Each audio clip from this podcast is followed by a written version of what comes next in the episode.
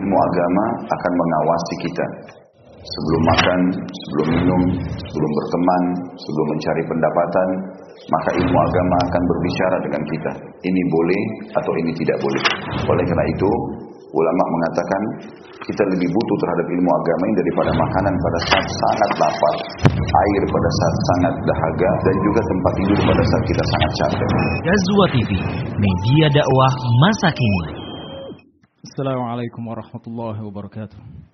إن الحمد لله نحمده ونستعينه ونستغفره ونعوذ بالله من شرور أنفسنا ومن سيئات أعمالنا.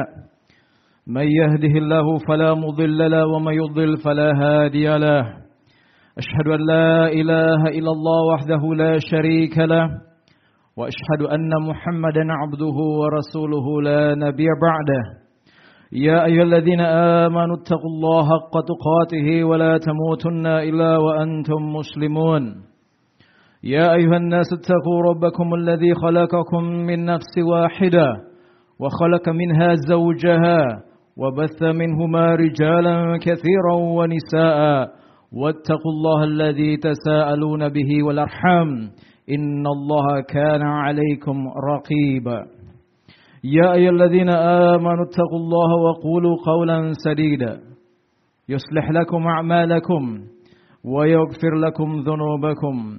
ومن يطع الله ورسوله فقد فاز فوزا عظيما. أما بعد فإن أصدق الحديث كتاب الله وخير الحديث حديث محمد صلى الله عليه وسلم والشر الأمور محدثاتها فإن كل محدثة بدعة وكل بدعة ضلالة وكل ضلالة في النار Saudara-saudaraku sekalian jamaah Jumat rahimani wa rahimakumullah. Pada Jumat kali ini saya ingin mengajak Anda sekalian melihat saudara-saudara kita di kiri dan di kanan kita, di depan dan di belakang kita. Bahkan di luar sana nanti, selepas Jumatan ini, kita bisa melihat begitu banyak saudara-saudara kita Muslim yang beriman kepada Allah Subhanahu wa Ta'ala. Di antara mereka ada yang taat beribadah, ada yang tidak pernah luput dari sholat malam, tidak pernah luput dari sholat berjamaah. Di antara mereka ada yang rajin berpuasa, ada yang diberikan rezeki oleh Allah Subhanahu wa taala sehingga mereka rajin bersedekah atau bahkan selalu menunaikan ibadah umroh. Namun yang menjadi pertanyaannya saudara-saudaraku sekalian adalah apakah itu tanda baiknya keislaman seseorang? Mungkin tampak di wajahnya tanda-tanda dari orang yang beriman. Jenggotnya lebat mungkin. Ada tanda sujud di dahinya. Kain celananya di atas mata kaki. Berjalan di atas muka bumi secara dohir. Terlihat sebagai seorang yang baik keislamannya. Tapi apakah itu memang benar tanda baiknya keislaman seseorang? Mari coba perhatikan hadis Nabi Shallallahu Alaihi Wasallam ketika beliau didatangi oleh seorang wanita yang melaporkan tentang wanita lainnya.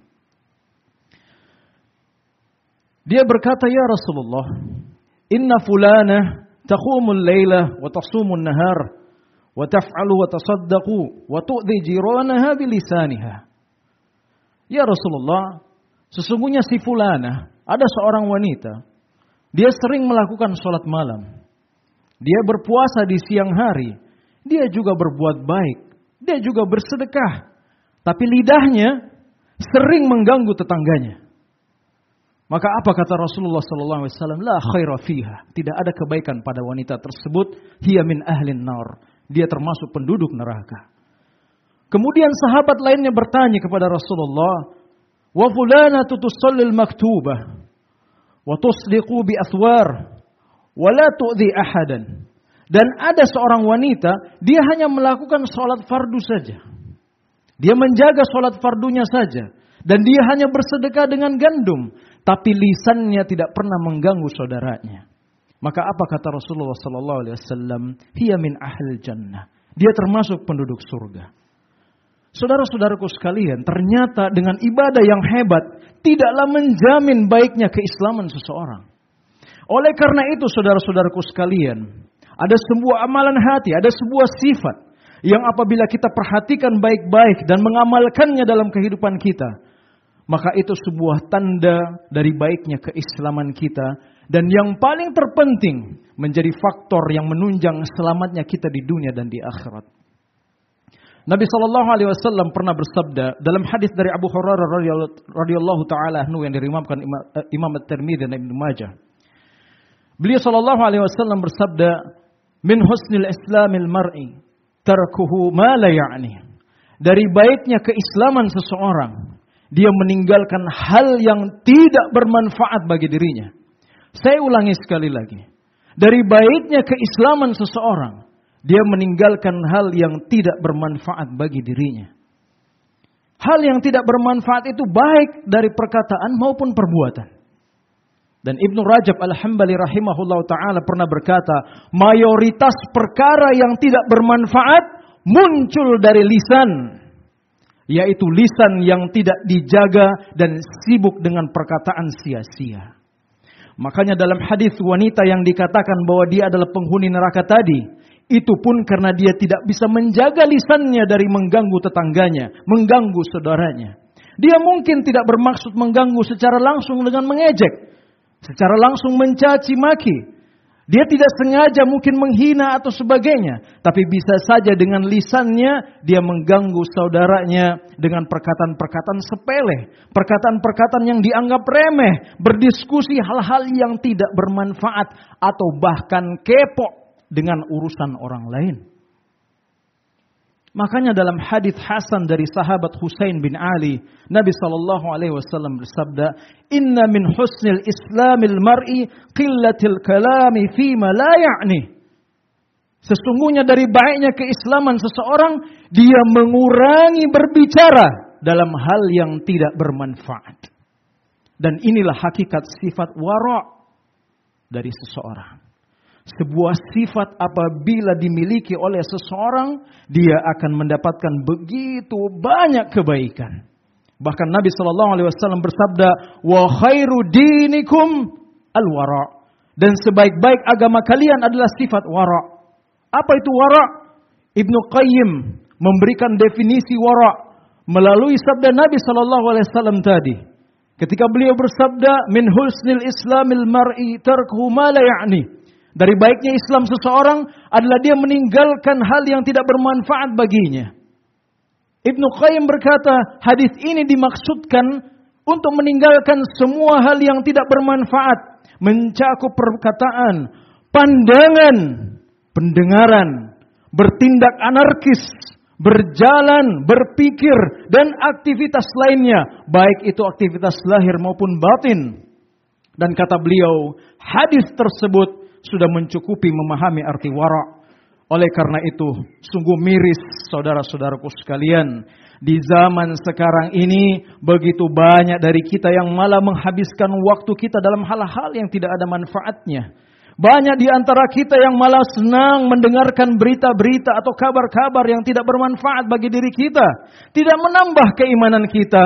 Tidak memasukkan kita ke dalam surga. Tidak pula menjauhkan kita dari neraka. Yang ada bahkan urusan-urusan yang akan mendekatkan kita kepada neraka. Waliyahudzubillah. Lebih mirisnya lagi, karena sifat wanita penghuni neraka yang lisannya suka mengganggu saudaranya tadi, sekarang sudah dimiliki oleh para lelaki. Di zaman sekarang ini, laki-laki jadi suka kepo urusan orang. Masuk ke dalam urusan-urusan yang tidak bermanfaat bagi dirinya. Suka bertanya tentang keadaan orang lain yang sebenarnya bukan urusannya. Ketika dia sudah mencampuri urusan orang lain, selain tidak memberikan solusi kepada urusan orang, tidak juga menambah keimanannya. Akhirnya hal tersebut malah membuka pintu dosa gibah bagi dirinya. Perhatikan saudaraku-saudaraku sekalian, ada seorang laki-laki pernah datang kepada Nabi Shallallahu Alaihi Wasallam dan bertanya tentang hari kiamat. Dia berkata, Ya Rasulullah, mata sa'ah. Kapan hari kiamat? Yang anehnya, respon Nabi Shallallahu Alaihi Wasallam bukan berupa jawaban terhadap pertanyaan tadi, bukan. Tapi beliau kembali bertanya kepada orang tersebut, "Wa madza a'dadta laha?" Apa yang telah kamu persiapkan untuk menghadapi hari kiamat itu? Nabi Wasallam mengetahui bahwa pertanyaan orang tersebut tidak bermanfaat baginya. Makanya beliau melempar pertanyaan yang jauh lebih dibutuhkan dan bermanfaat bagi dirinya. Apa yang sudah kamu persiapkan untuk menghadapi hari kiamat? Oleh karena itu saudara-saudaraku sekalian, belajarlah menyaring perkataan kita sebelum diucapkan.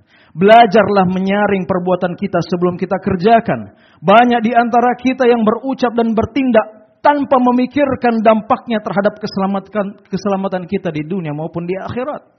Allah Subhanahu wa taala menciptakan laki-laki dengan akalnya mendominasi perasaannya. Sebaliknya Allah Subhanahu wa taala menciptakan wanita dengan perasaannya mendominasi akalnya. Jadi kalau ada laki-laki yang suka kepo dengan urusan orang lain, kalau ada laki-laki yang malah gemar menggibah, membicarakan situasi orang lain yang bukan urusannya, maka apa bedanya mereka dengan perempuan? أقول قولي هذا. بارك الله لي ولكم في الكتاب والسنة ونفعني وإياكم بما فيه من الآية وحكمة وتقبل الله مني ومنكم تلاوتهما إنه هو السميع العليم. الحمد لله على إحسانه والشكر له على توفيقه وامتنانه أشهد أن لا إله إلا الله وحده لا شريك لا تعظيما لشأنه وأشهد أن محمدا عبده ورسوله الداعي إلى رضوان صلى الله عليه وعلى آله وأصحابه وإخوانه أما بعد. Jemaah Jumat rahimani wa rahimakumullah. Orang yang senantiasa meninggalkan hal-hal yang tidak bermanfaat bagi dirinya, bisa dijamin dia akan selamat agamanya. Dan keselamatan agama ini adalah hal yang terpenting untuk kita selalu jaga. Karena kapan agama kita rusak, maka akan rusak segala urusan kita. Agama Islam yang kita punyai, punyai ini ya, saudara-saudaraku sekalian adalah benteng yang akan melindungi seseorang agar tidak terjerumus dalam kesalahan menjaga seseorang agar tidak tergelincir serta menjaga dari kesesatan dan mengikuti hawa nafsu. Oleh karena itu, dari baiknya Islam seseorang adalah dia meninggalkan hal yang tidak bermanfaat. Maka sebelum Anda berucap dan bertindak, perpikirkanlah terlebih dahulu apakah ucapan atau tindakan saya ini akan bermanfaat di akhirat kelak atau tidak. Kalau tidak, maka meninggalkannya berarti akan lebih selamat terhadap agama kita. Dan apabila sebelum Anda berucap dan bertindak, Pikirkanlah terlebih dahulu, apakah ucapan dan perbuatan saya ini akan membawa mudarat bagi saya kelak di akhirat? Kalau iya, maka meninggalkannya berarti akan lebih selamat terhadap agama kita. Semoga Allah Subhanahu wa taala melindungi kita semua dan menyelamatkan diri kita terkhusus pada agama kita. Innallaha wa malaikatahu yusalluna 'alan nabi ya ayyuhalladzina amanu sallu 'alaihi wa sallimu taslima. Allahumma shalli 'ala Muhammad wa 'ala ali Muhammad. كما صليت على إبراهيم وعلى آل إبراهيم. إنك حميد مجيد. اللهم اغفر للمسلمين والمسلمات والمؤمنين والمؤمنات الأحياء منهم والأموات. إنك السميع قريب مجيب. دعوة ويا قاضي الحاجات. اللهم إنا نسألك الهدى والتقى والأفاف والغنى. اللهم أصلح لنا ديننا الذي هو عصمة أمرنا. وأصلح لنا دنيانا التي فيها معاشنا. وأصلح لنا آخرتنا التي إليها معادنا. واجعل حياة الزيادة لنا في كل خير واجعل الموت فيه راحة لنا من كل شر. ربنا ظلمنا أنفسنا وإن لم تغفر لنا وترحمنا لنكونن من الخاسرين. ربنا أتنا في الدنيا حسنة وفي الآخرة حسنة وقنا عذاب النار. وصلى الله على نبينا محمد وعلى آله وأصحابه أجمعين. سبحانك اللهم وبحمدك أشهد أن لا إله إلا أنت أستغفرك وأتوب إليك. والحمد لله رب العالمين. ハハハハ!